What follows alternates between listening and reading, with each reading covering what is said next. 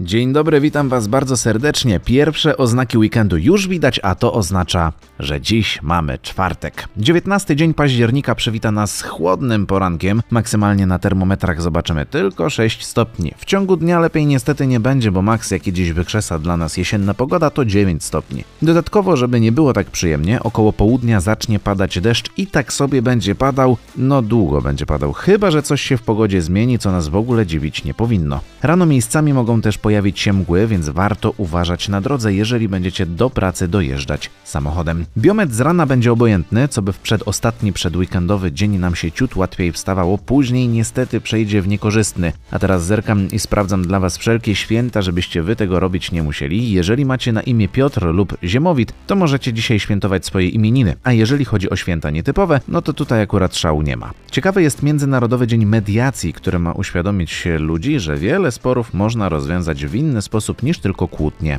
i wojnę. Umiejętności mediacji zapewne przydadzą się za jakiś czas wielu politykom, a nam przyda się coś na rozbudzenie. Dziś do porannej kawusi kawałek na dobry początek dnia zagra Post Malone i Sway Lee, a ja przypominam, że na Spotify możecie wypełnić krótką ankietę i zaproponować wasz kawałek.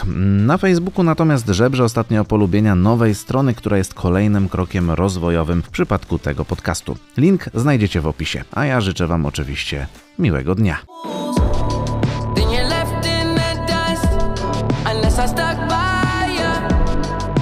sunflower.